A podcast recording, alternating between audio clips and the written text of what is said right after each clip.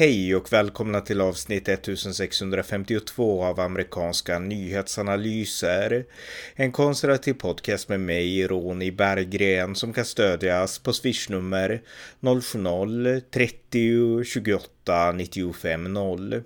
Om tio dagar går Sverige till val och invandringen har inför valet blivit en av de allra viktigaste frågorna. Igår den 31 augusti presenterade Sverigedemokraterna ett förslag för att få ner asylinvandringen till lägsta nivå i Europa. Här är ett klipp med partiledare Jimmy Åkesson och SDs migrationspolitiska talesperson Ludvig Aspling. Det är väl allmänt känt att vi i höstbudgeten som faktiskt röstades igenom i riksdagen hade förhandlat med Moderaterna och Kristdemokraterna kring invandringspolitikens grundläggande principer där en viktig princip är just denna, den, den rättsliga nivå som är, den rättsliga miniminivå som är möjlig enligt EU-rätten. Eh, och det är det vi ska prata lite om idag och eh, jag har med mig Ludvig Aspling som är vår talesperson och vår kommittéordförande i socialförsäkringsutskottet som hanterar de här frågorna på daglig basis här i riksdagen utan otaliga av de samhällsproblem som vi ser idag som vi från alla partier egentligen adresserar i den här valrörelsen kan härledas till migrationspolitiken från skolan till arbetsmarknaden till bostadsbristen till bidragsberoendet och så vidare. Och det är ju som jag brukar säga att den enskilt viktigaste integrationsåtgärden det är att inte spä på dessa problem ytterligare genom ytterligare invandring. Framförallt då asylrelaterad invandring som har varit det stora problemet. Ja, alltså EUs regler på det här området det består av förordningar och eh, direktiv. Och eh, de här förordningarna och direktiven i många fall skapar rättigheter eh, för enskilda. Eh, ett konkret exempel är att skyddsbehövande ska ha rätt att arbeta i medlemsstaten. Eh, men det är också så att medlemsstater har möjlighet att besluta om mer generösa förmåner. Till exempel att eh, skyddsbehövande inte bara ska ha rätt att arbeta utan också till exempel ska ha rätt till hela socialförsäkringssystemet från dag ett då att man får uppehållstillstånd. Det finns inte en enda regel Eh, där Sverige idag inte är mer generös än vad regelverket kräver. Om man går in då lite grann materiellt på vad det är vi föreslår så eh, innebär det egentligen att vi vill förändra saker och ting på fyra områden. Dels gäller skyddsgrunderna, alltså rätten att söka asyl i Sverige. Eh, dels hur själva asylprocessen går till. Dels mottagande och sociala förmåner som följer därav och dels reglerna om anhöriginvandring. Här följer ett samtal med Ludvig Aspling om det förslag som Sverigedemokraterna har lagt. Varmt välkomna! Ludvig Aspling, välkommen! Tack så mycket, tack så mycket. Du är eh, Sverigedemokraternas talesperson i migrationsfrågor och eh, jag tänkte vi skulle prata lite grann om ert senaste förslag. Men lite kort så här i början så att de som lyssnar får en förståelse om vem du är. Kan du berätta lite om dig själv och eh, vad som fick dig att engagera dig för Sverigedemokraterna? Eh, det var faktiskt när jag pluggade på universitetet. Eh, jag pluggade på juristprogrammet och eh, då var jag tvungen att gå på en rättegång. Det får man göra under första terminen. Och eh, den här rättegången det handlar om en person som hade eh, kört grovt rattfull och han fick ett straff som var väldigt, väldigt milt. Och eh, jag blev nästan chockad över hur, hur milt det här straffet var. Och det var då som jag bestämde mig helt enkelt när jag var på väg därifrån att det här måste vi liksom förändra. Och, och därför så engagerade jag mig i partiet. Men vart är det, det naturliga steget då? Då tänker man Moderaterna kanske, jag vet inte. Ja, men jag gillade Sverigedemokraterna av andra skäl eh, framför de andra partierna. Men eh, det var liksom det som fick mig att bestämma mig för att försöka ge mig in i politiken personligen. Mm, just det. Eh, Okej, okay. eh, nu i det här valet så pratas det väldigt mycket om immigrationspolitik och immigrationsfrågor. Och eh, du då som eh, för Sverigedemokraternas talan i de här frågorna, varför anser du att svensk immigrationspolitik behöver förändras? Migrationspolitiken ligger liksom lite grann bakom väldigt, väldigt mycket av de andra problemen som vi har. Eh, utsatta områden, vi har en omfattande kriminalitet, vi har arbetslöshet, vi har ett utbrett utanförskap, vi har många arbetslösa och långtidsarbetslösa framför allt som har bakgrund i andra länder. Och allt det här bottnar någonstans i att vi har haft väldigt, väldigt slappa regler för vem som kan flytta till Sverige och att de här slappa reglerna gäller även idag. Så det är därför helt enkelt. Mm. Eh, igår så höll ni en presskonferens där ni presenterade förslag för att minska eh, invandringen helt enkelt och lägga den på EUs miniminivå. Kan du sammanfatta lite grann vad ni, vad ni sa igår och vad ni presenterade? Ja, eh, det här är egentligen inga konstigheter, utan det som vi har gjort är att vi har gått igenom eh, fyra stycken rättsakter som styr mycket av svensk asylpolitik.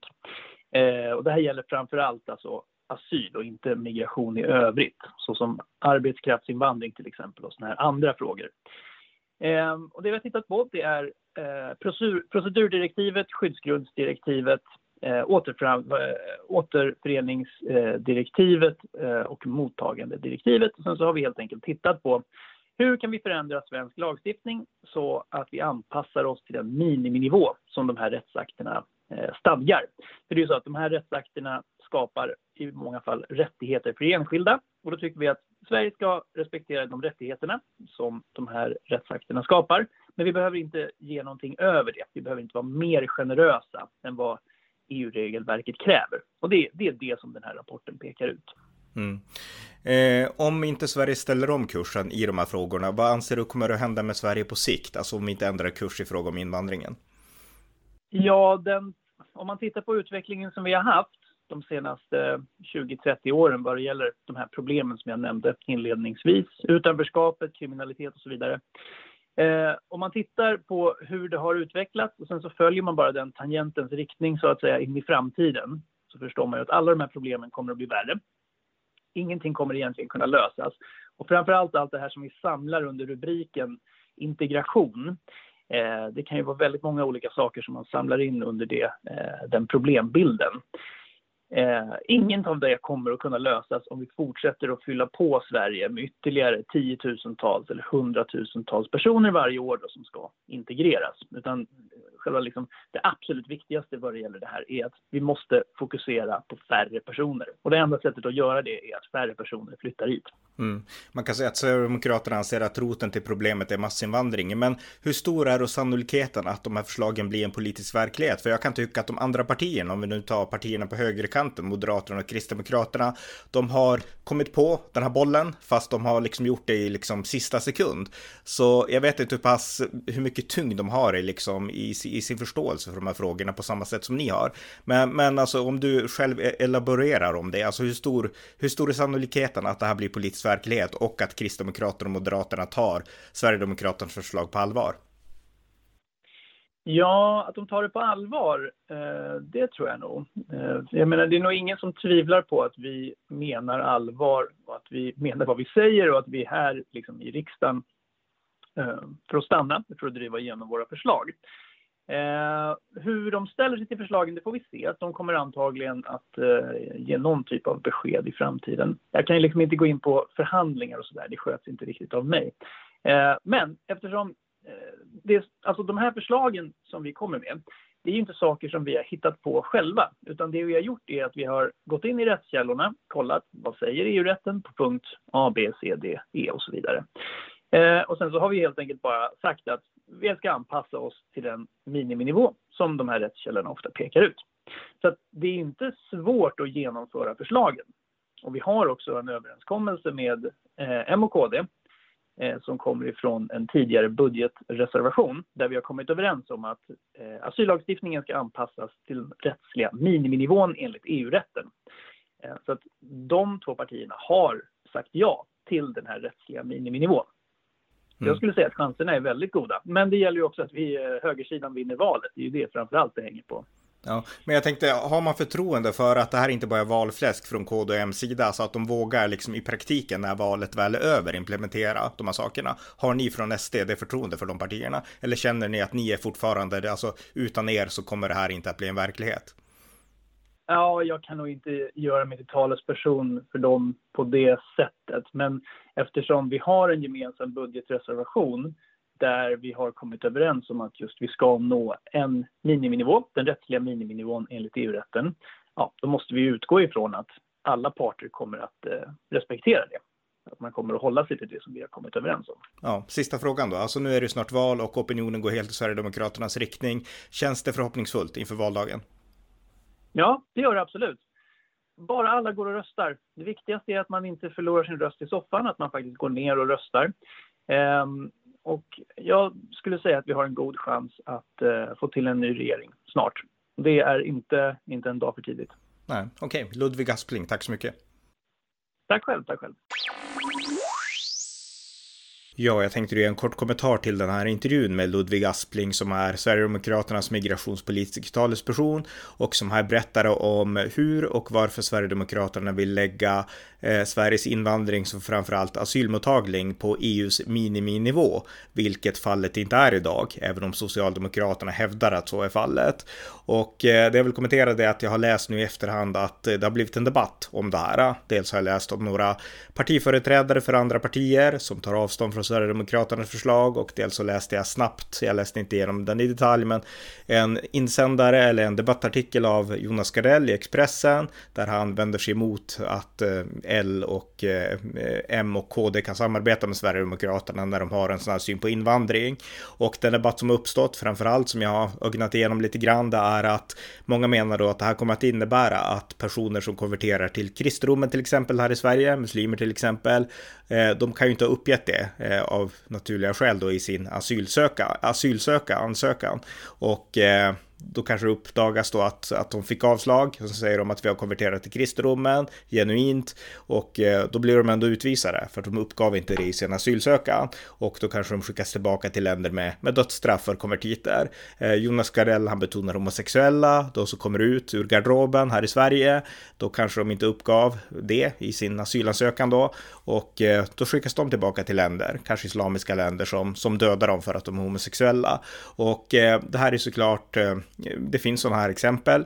Eh, jag känner till konvertiter som har hamnat i svåra problem och som utvisas till länder där det är mycket hårda straff för att lämna islam då primärt. Så att sådana fall finns och där måste man ju såklart titta på individnivå. Men det jag tycker är styrkan med det här förslaget är att man inte låter sig skrämmas av de här uh, tragiska exemplen. Därför att faktum är att vi har ett systemfel i Sverige och vi måste hantera det. Vi har ett system som det är väldigt lätt att slinka igenom och väldigt lätt att utnyttja därför att vi har de här uh, ömmande känslorna för personer som hamnar i kläm. Och det är jättebra att vi har det. Det visar att vi är ett medmänskligt samhälle. Men vi kan ju inte låta vår medmänsklighet göra att vi bara tillåter det här systemfelet att fortsätta.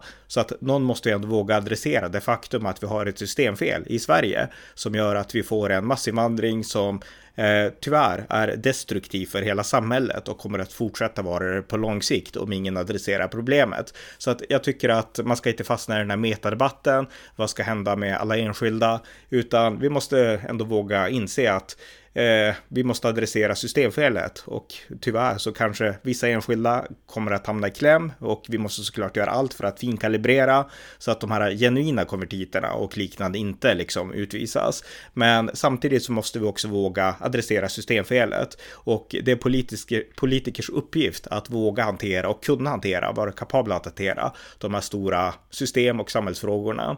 Och det tycker jag att SD med det här förslaget visar att de faktiskt gör. Och vill man läsa mer i detalj om det här så kan man läsa det på eh, enklaste att googla. Sverigedemokraterna släppte en rapport om det här som heter Lägst invandring i Europa. Och eh, googla på det bara så förmodar jag att, att ni hittar den precis som jag gjorde. Och den, eh, jag har inte läst den, jag har bara scrollat igenom den, men den verkar ändå gå igenom lite mer i detalj vad Sverigedemokraterna föreslår i de här avseendena. Så att eh, mitt tips för er som är nyfikna, läs, läs den rapporten. Så att eh, det var bara det jag vill kommentera i anslutning till den här intervjun. Tack för att ni har lyssnat till amerikanska nyhetsanalyser. En konservativ podcast i det vänsterliberala mediebruset som kan stödjas på swishnummer 070-30 28 95 0 eller via hemsidan usapool.blogspot.com på Paypal, Patreon eller bankkonto. Vi hörs snart igen. Allt gott tills dess.